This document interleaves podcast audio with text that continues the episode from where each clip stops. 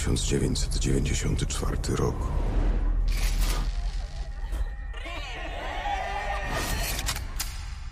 Opowiedz, jak to było wszystko.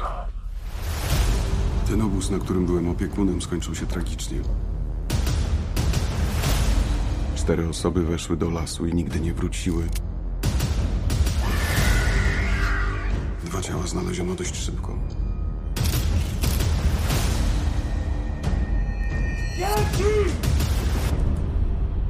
Pozostałej dwójki, w tym ciała mojej siostry, nigdy nie odnaleziono. Cześć, witajcie w 45. odcinku podcastu Antyweb po godzinach. Przed mikrofonem Konrad Kozłowski. Za nami premiera drugiej oryginalnej produkcji Netflixa z Polski, w głębi lasu, na całym świecie znany jako The Woods. A ze mną jest dzisiaj odtwórca głównej roli Pawła Kopińskiego, Grzegorz Damięcki. Bardzo mi miło. Dzień dobry, witam. Dobry wieczór być może. No tak, podcasty czasami późnymi y, porami odsłuchujemy. Tak. E, no i też późną porą dużo działo się w głębi lasu w najnowszym serialu. E, na początek chciałbym zapytać, e, ponieważ mieliśmy też okazję porozmawiać między innymi przed premierą nielegalnych dla Kanal Plus mm -hmm. i wtedy wspominał Pan o no, wyczerpujących przygotowaniach fizycznych, nie tylko tych psychicznych i mentalnych, ale także fizycznych do roli. Jestem ciekaw, jak, jak bardzo te role się różniły w tych produkcjach oraz poprzednich, których mogliśmy Pana oglądać, do tego też będę wracał. E, jak wyglądały kulisy przygotowań do tego serialu, które też były no, owiane sporą tajemnicą?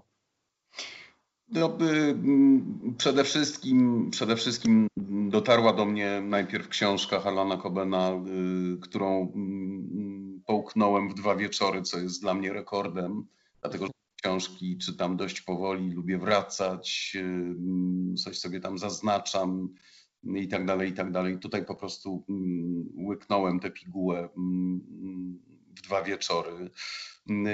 Później dotarł do mnie scenariusz, który mnie zafascynował, dlatego że przeniesienie tych realiów anglosaskich na, na, w polskie realia, a jeszcze do tego w dwa plany czasowe, wydawało mi się po, pomysłem karkołomnym i byłem bardzo ciekaw, jak, mm, jak twórcy scenariusza polskiego do tego podejdą. Dysponowaliśmy jakby bardzo ciekawym materiałem wstępnym. Jeśli chodzi o moje przygotowania do tej roli, to bardzo, bardzo ciekawa była, ta dla, była to dla mnie postać, dlatego że ona zadaje sobie szereg pytań, które również mnie nurtują prywatnie, e, jako człowieka już nie, nie w wieku studenckim, prawda, który robi jakieś tam wstępne, drobniutkie pierwsze rachunki na, na temat, co wyszło, ewentualnie do tej pory, co nie wyszło, co bym chciał poprawić. On tutaj bez przerwy, mm, Paweł Kopiński bez przerwy mm, jakby powraca we wspomnieniach do, ty, do, do tych feralnych lat 90. Y, i zadaje sobie pytanie, co by było, gdyby inaczej postąpił. Całego, całe jego życie jest jakby podporządkowane y, temu jednemu drobnemu wydarzeniu, które wtedy miało miejsce i jakby przenosząc to na mm, świat, który mnie prywatnie otacza, gdzieś dotarło do mnie, że całe to nasze życie właśnie składa się z takich drobinek, na które często nie zwracamy uwagi, bo czekamy na jakieś tam wielkie, spektakularne boom w naszym mhm. życiu, może w ogóle nie nastąpić. I z tego jest utkany ten bohater. Mm, przygotowania moje polegały właśnie na tym, żeby żeby wgryźć się w, w psychologię takiej postaci. E, człowiek, e, który jest jakby narysowany w tym scenariuszu jako bohater tak zwany pozytywny, mm, e, jak wiadomo, dobro jest mało ciekawe. Jeżeli jest takie jednoznacznie dobre, to jest tym bardziej nieciekawe, więc po prostu, ponieważ sam głęboko wierzę w to, że nie ma tylko i wyłącznie czer, czerni lub bieli w życiu, postarałem się narysować go z, z całej gamy szarości, e, mhm.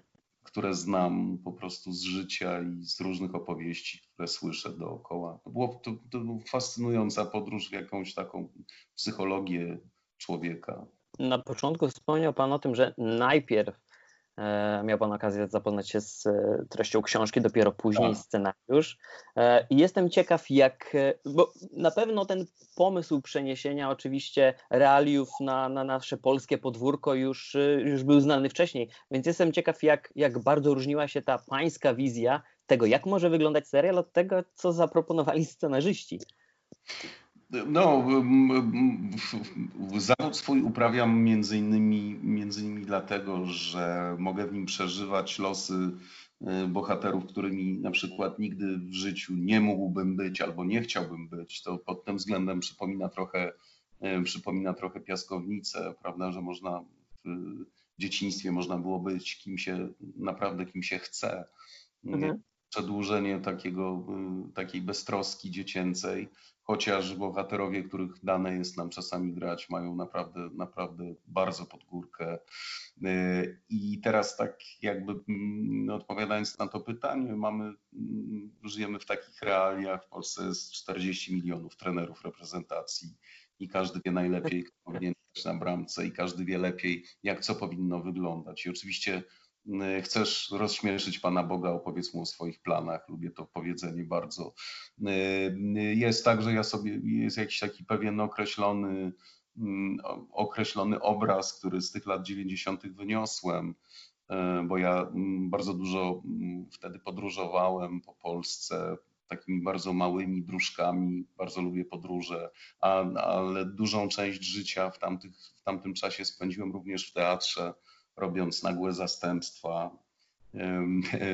w różnych przedstawieniach. Był to początek mojej przygody z teatrem. Mm. Mhm.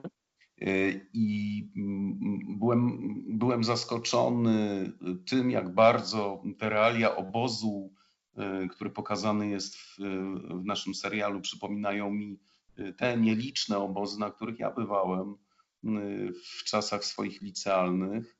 Mm, gdzie byłem takim dość zanarchizowanym młodzieńcem, a dane, dane mi było wyjeżdżać na takie zorganizowane wyjazdy turystyczne, na przykład w Bieszczady z naszym świętej pamięci niestety profesorem, który akurat uwielbiał chodzić po Bieszczadach, ale zupełnie nie tak jak ja, bo z gęsiego po, po górach i trzeba było śpiewać bieszczackie pieśni i ja tego po prostu jako człowiek z gruntu walczący o jakieś wyzwolenie i, i, brak jakichś narzuconych schematów. Bardzo źle to znosiłem, więc y, taka zanarchizowana młodzież y, gdzieś tam była mi zawsze bardzo bliska, y, czy, czy, czy muzyka undergroundowa lat 90., przełomu lat 80. i 90. w tym wszystkim tkwiłem. Wydaje mi się, że w serialu bardzo dobrze to zostało zilustrowane i oddane. Jestem też ciekaw tego, jak, e, jak prezentowała się atmosfera na samym planie, bo e, mamy te, te, te dwa przedziały czasowe, e, tak. mamy też zupełnie dwie różne lokacje, czyli, czyli ten obóz w lesie nad jeziorem, no i taką dżunglę miejską, betonową podejrzewam, że, że, że trzeba było jednak dać się troszeczkę porwać temu, jak, jak niósł scenariusz, jak e, wyglądał sam plan. E, ciekaw jestem, jak, w jaki sposób udawało się zbudować tę atmosferę, e, która, którą możemy teraz oglądać na ekranie, bo to nie są tylko zdjęcia, czyli te aspekty wizualne, ale też i emocje, i relacje pomiędzy e, postaciami, e, chociażby z panią Agnieszką Grochowską, tak jak udało się panu w tych e, bardziej nowoczesnych czasach e, przedstawianych w serialu. jak budowano ten klimat, tę atmosferę w, w serialu W głębi lasu? Nie wiem, czy to, nie wiem, czy to mm, wyróżnia mm, mm, serial robiony dla Netflixa od, y, od innych y, seriali robionych y, nie wiem gdzie indziej. Wiem tylko, że tutaj po prostu spotkała się grupa pasjonatów, których jeżeli nawet jakiś producent y, y, popędzał i stał na, nad nimi i czuwał nad tym, żeby ta praca cały czas postępowała do przodu, to robił to na tyle dyskretnie, że aktorzy mieli poczucie, mm, że po prostu mm, ich robota jest bardzo ważna i że, i że wszystkie piony w jakimś sensie pracują pracują na nich, czyli pracują na ten efekt końcowy, który jest ważny dla nas wszystkich, prawda, że my do tej samej mszy służymy, mówiąc mhm. kościelnym. Wydaje mi się, że to polegało mm, przede wszystkim, tak ja to widzę ze swojej perspektywy, na ogromnym skupieniu, które nam towarzyszyło. Na tym, że pracowali ze sobą ludzie, którzy e, wiedzieli, że chcą ze sobą pracować, że byliśmy siebie nawzajem bardzo ciekawi. To dotyczy mm, relacji z aktorami, bo przecież mm, z mojej perspektywy i to nie jest żadna megalomania, tylko po prostu tak był plan skonstruowany, że jako, jako główny, główny bohater, aktor grający w jakimś sensie główną rolę męską, będę na tym planie bardzo często i po prostu będę się spotykał z aktorami różnymi i wiadomo, że jest coś takiego jak dyspozycja dnia. Każdy przyjeżdża na plan z jakąś swoją własną aurą, z własnym pomysłem na zadanie, które ma wykonać. Jedni przyjeżdżają, na przykład mają bardzo ważne, bardzo przejmujące, bardzo trudne sceny do zagrania, ale mają tylko jeden czy, y, czy dwa dni y, zdjęciowe, y, czy niewiele tych dni. Na przykład moja relacja z, z, z postacią żony nieżyjącej, prawda, która się pojawia mhm. W retrospekcjach, czyli postacią graną przez Magdę Kumorek. Były dwa bardzo, bardzo trudne, kompletnie odmian, odmienne stany do, jakby do zrealizowania przez aktora. I, I tutaj po mistrzowsku wydaje mi się Magda profesjonalnie bardzo, no, no naprawdę po mistrzowsku do tego podesz, podeszła i mm, to wymagało ogromnego skupienia od nas. Więc po prostu, gdyby tego skupienia nie było, gdyby była taka, taka, takie, taka praca na prędce, taki jakiś rodzaj mm, mm, byle jakości czy średniactwa, na które się godzimy i gdybyśmy nie walczyli o różne rzeczy, to znaczy nie, nie chodzi mi o to, że trzeba było z kimś o te rzeczy walczyć, tylko mhm. po prostu wewnątrz tej materii była taka twórcza, mm, twórcza walka o to, żeby mm, jak najbardziej zbliżyć się do psychologii tych postaci, do jakiejś prawdziwości. I myślę, że to polegało po prostu na ogromnym skupieniu w moim przypadku. Z mojej perspektywy tak to wygląda. Pod pewnym względem można by powiedzieć, że zagrał pan pół głównej roli, bo przecież młodszego Pawła Kopińskiego gra. Tak, tak, tak, oczywiście. Jestem ciekaw, jak jak panom, jak panom udało się tę postać wykreować? Bo to chyba wymagało też y, współpracy, dużej liczby rozmów. E, czy to było raczej w taki sposób, że to pan podglądał młodszego kolegę i starał się mm, powielić tak jakby jego zachowanie, jego charakterystykę w starszej wersji? E, czy było odwrotnie?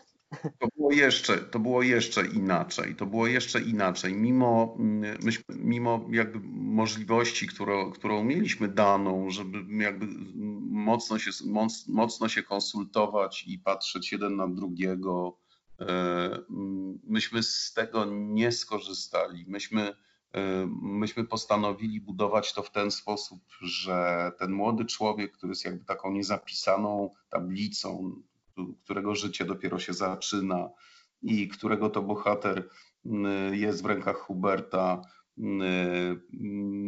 po prostu on będzie, mówiąc już takim żargonem, żargonem naszym zawodowym, będzie tkał, tkał sobie te role z, z, z takich, z takich kolorów i z takich akcentów, na jakie się umówi z reżyserem, na tym, co mu podpowiada intuicja. Ale również Paweł Kopiński po, po tej takiej przerwie czasowej, w której go nie widzimy, jest zupełnie innym człowiekiem niż ten młodzieniec. Jest człowiekiem jakby naznaczonym przez tamto wydarzenie, ale jest człowiekiem, który e, poświęcił całe swoje dotychczasowe ży życie, aż do momentu, kiedy widzimy go współcześnie, na to, żeby odejść od tamtego chłopaka, którym był, ponieważ dzieciństwo i wczesna młodość kojarzy mu się bardzo źle. Są ludzie, którzy chcieliby zapomnieć. Oczywiście, mm, mm, tak jak już mówiłem, te drobne wydarzenia wpływają potem na całe nasze życie i mm, formują nas w jakiś sposób. Ale są ludzie, którzy przez całe życie zadają sobie pytanie, dlaczego nie postąpiłem inaczej? Gdybym mógł, zrobiłbym zupełnie inaczej. I przez całe życie próbują, mm, próbują odejść. Y, I na to żeśmy postawili. I druga rzecz to jest taka, że mm, był między nami łącznik w postaci Leszka i Bartka, który nam jakby podpowiadał e, coś, co na którym planie się dzieje.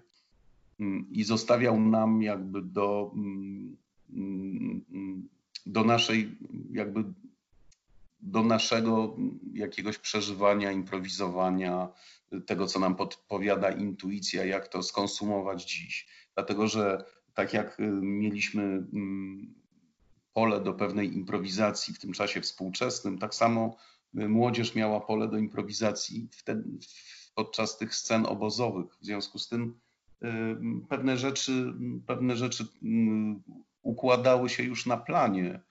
Trudno było założyć pewne rzeczy przed rozpoczęciem. Wiem z rozmów z Hubertem, że pewną trudność Y, ale sobie to przekuł w, w, w, zadanie i świetnie wykorzystał. Sprawiała mu moja, moja leworęczność, której ja z kolei nie ukrywałem i szukałem mhm. w, tej, w tych scenach współczesnych.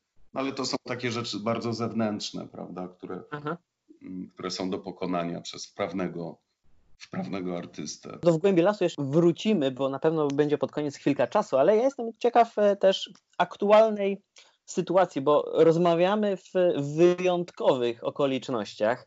E, dopiero tak naprawdę branża filmowa będzie wracać do, do, do, do normalności względnej oczywiście, bo ten reżim sanitarny e, jakiś będzie obowiązywał. Co prawda na Netflixie premier w ostatnich miesiącach nie brakowało, wśród nich właśnie było w głębi lasu, ale jestem tak zwyczajnie zainteresowany czym e, zajmuje się w, w takich czasach aktor, który nie może pracować ani w teatrze, ani na planie filmowym, czy planie e, serialu.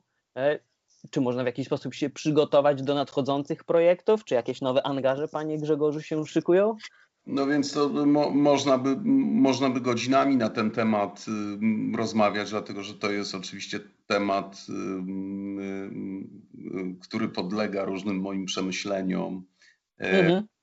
Z jednej strony mogę Pana zapewnić, że jest cała masa y, kolegów i koleżanek, którzy y, bardzo mocno pod każdym względem przeżywają to, że, że, że nie mogą pójść do pracy z bardzo prozaicznych powodów. Jest cała masa y, świetnej młodzieży w tym zawodzie, która nie dorobiła się tak zwanego, mhm.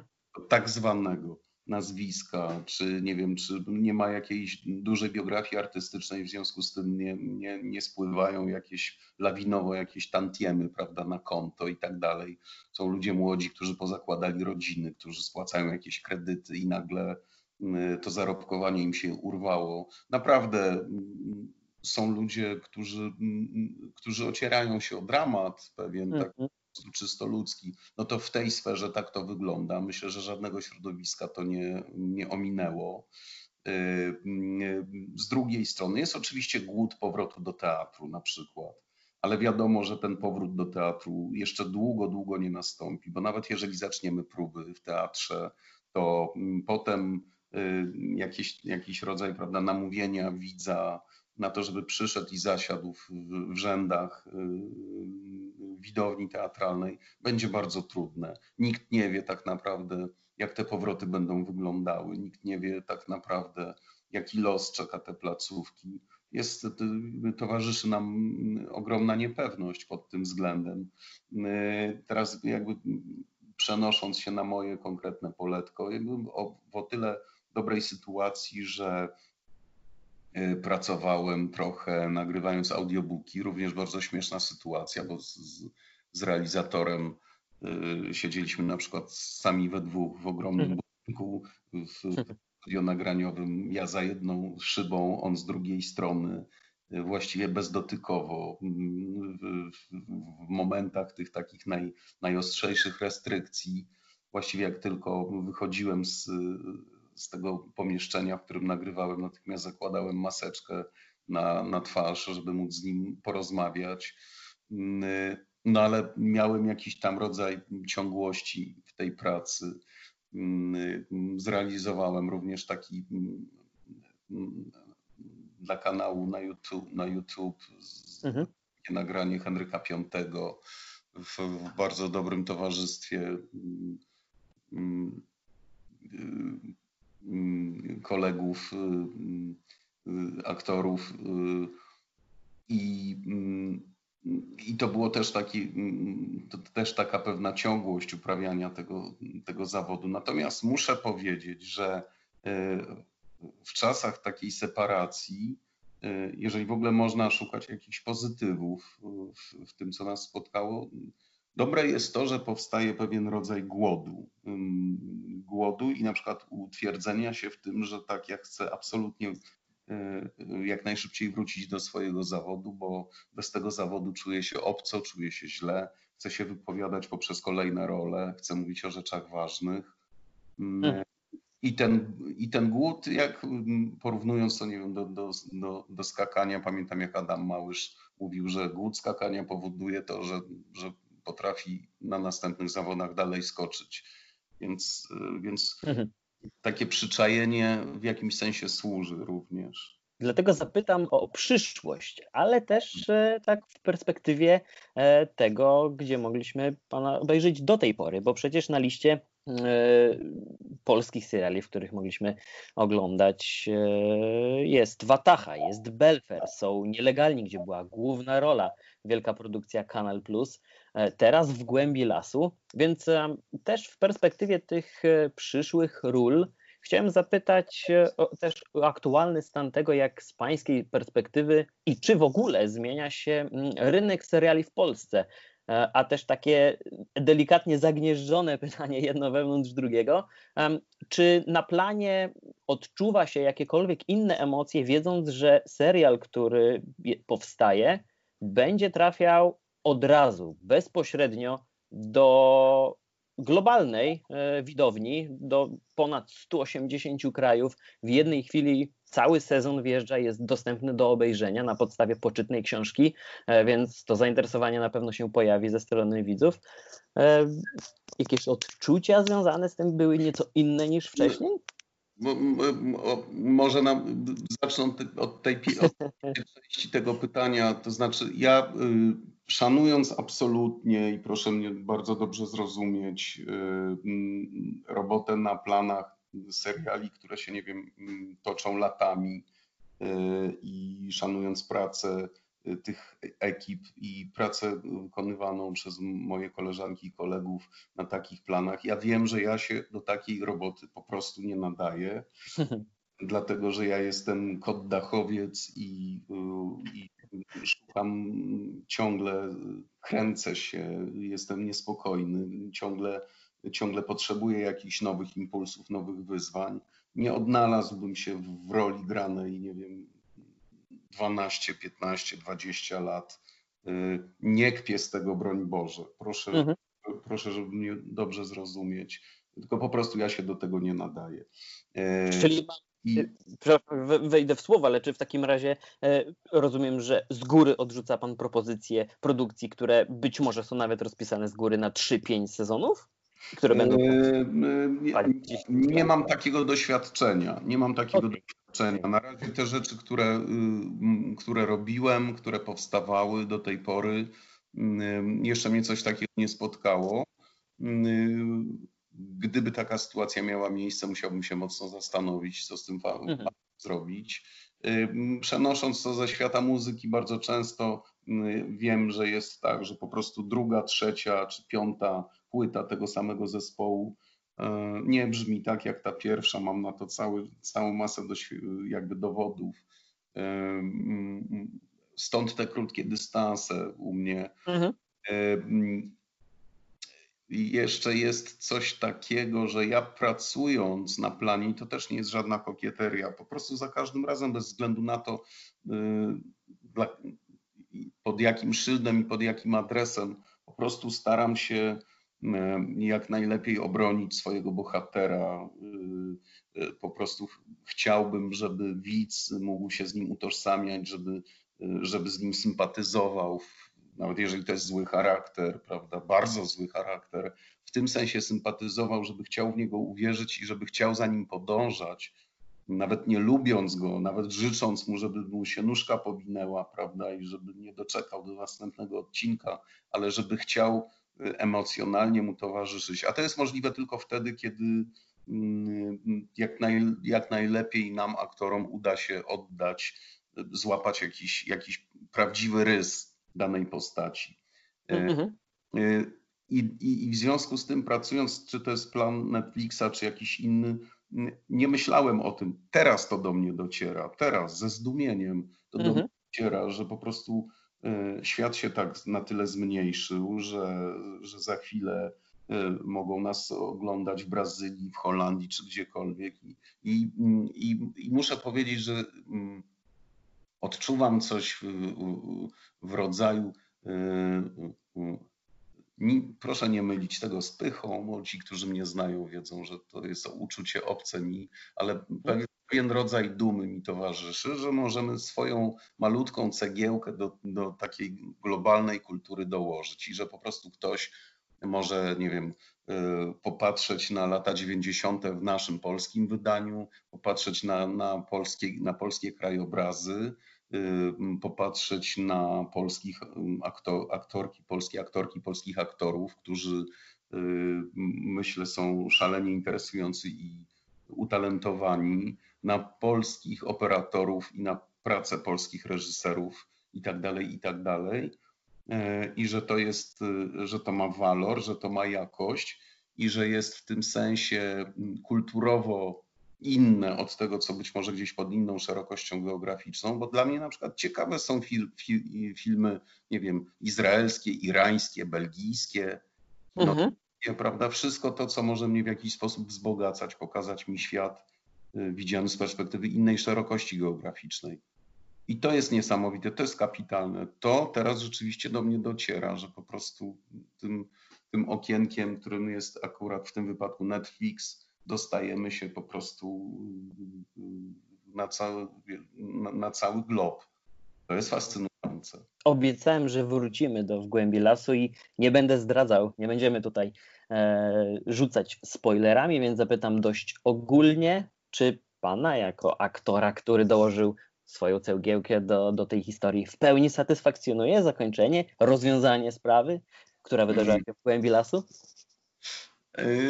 Nie, nie. Ja powiem, ja powiem tak, że i za chwilę wrócę do zakończenia tego konkretnego. Gdybym poczuł pełną satysfakcję z, z rzeczy, które robię, to prawdopodobnie zacząłbym się rozglądać za jakimś innym zajęciem, bo znając swój charakter i wiedząc trochę o sobie, Wiem, że to by oznaczało może jakieś, może postawienie jakiejś kropki nad i, jakieś, jakieś postawienie jakiejś klamry. Ja jestem gdzieś w, w, nawet nie w połowie, tak mi się wyda, mam, taką mam nadzieję, drogi swojej i życiowej, i zawodowej. Żyję z otwartą głową i z pełną ciekawością świata, tego, co mi los przyniesie i prywatnie, i zawodowo. E, I bardzo mnie to ciekawi. To zakończenie również uważam za pewnego rodzaju otwarcie, to, to konkretne, które tutaj mamy w serialu. Uważam, że ono jest, nie jest pełnym zakończeniem, a w związku z tym E, dobrze rokuje, bo może jest jakimś otwarciem czegoś kolejnego. I nie mam tu na myśli tego, że, że będę miał okazję znowu, z, znowu pracować, ale może to jest otwarcie dla jakichś nowych, kolejnych wątków, mhm. Który, które można by poruszyć i uruchomić pewne ścieżki, którymi przyszły potencjalnie, przyszła dalsza część mogłaby pójść. Mm, podoba mi się to, że ta historia nie jest jakby do końca jakby w pełni, w pełni zakończona. Uważam to za dobry zabieg. No, są, są Są być może ludzie, którzy chcieliby dostać takie, taki grande finale, prawda, i mieć wszystko już postawioną kropkę. I... Nie, to jest ciekawe zakończenie, moim zdaniem. Czy to przesłanka, że może być drugi sezon? Nie mam na ten temat y, pojęcia. Nawet gdybym coś wiedział, to nie, nie jestem upoważniony do tego teraz mówić. Okej, okay, no to dobrze. To będziemy w takim razie niecierpliwie wyczekiwać e, wieści. Być może, kto wie, czekamy też na reakcję widzów z całego świata po seansie w głębi lasu. Sześć odcinków już na Netflix. Panie Grzegorzu, serdecznie dziękuję za rozmowę. Dzięki, dziękuję również. Pozdrawiam Pana, pozdrawiam Państwa. Dobrego dnia, a może wieczoru. No, ta, taki urok podcastów. Serdecznie dziękujemy. Do usłyszenia. Dzięki. Do usłyszenia.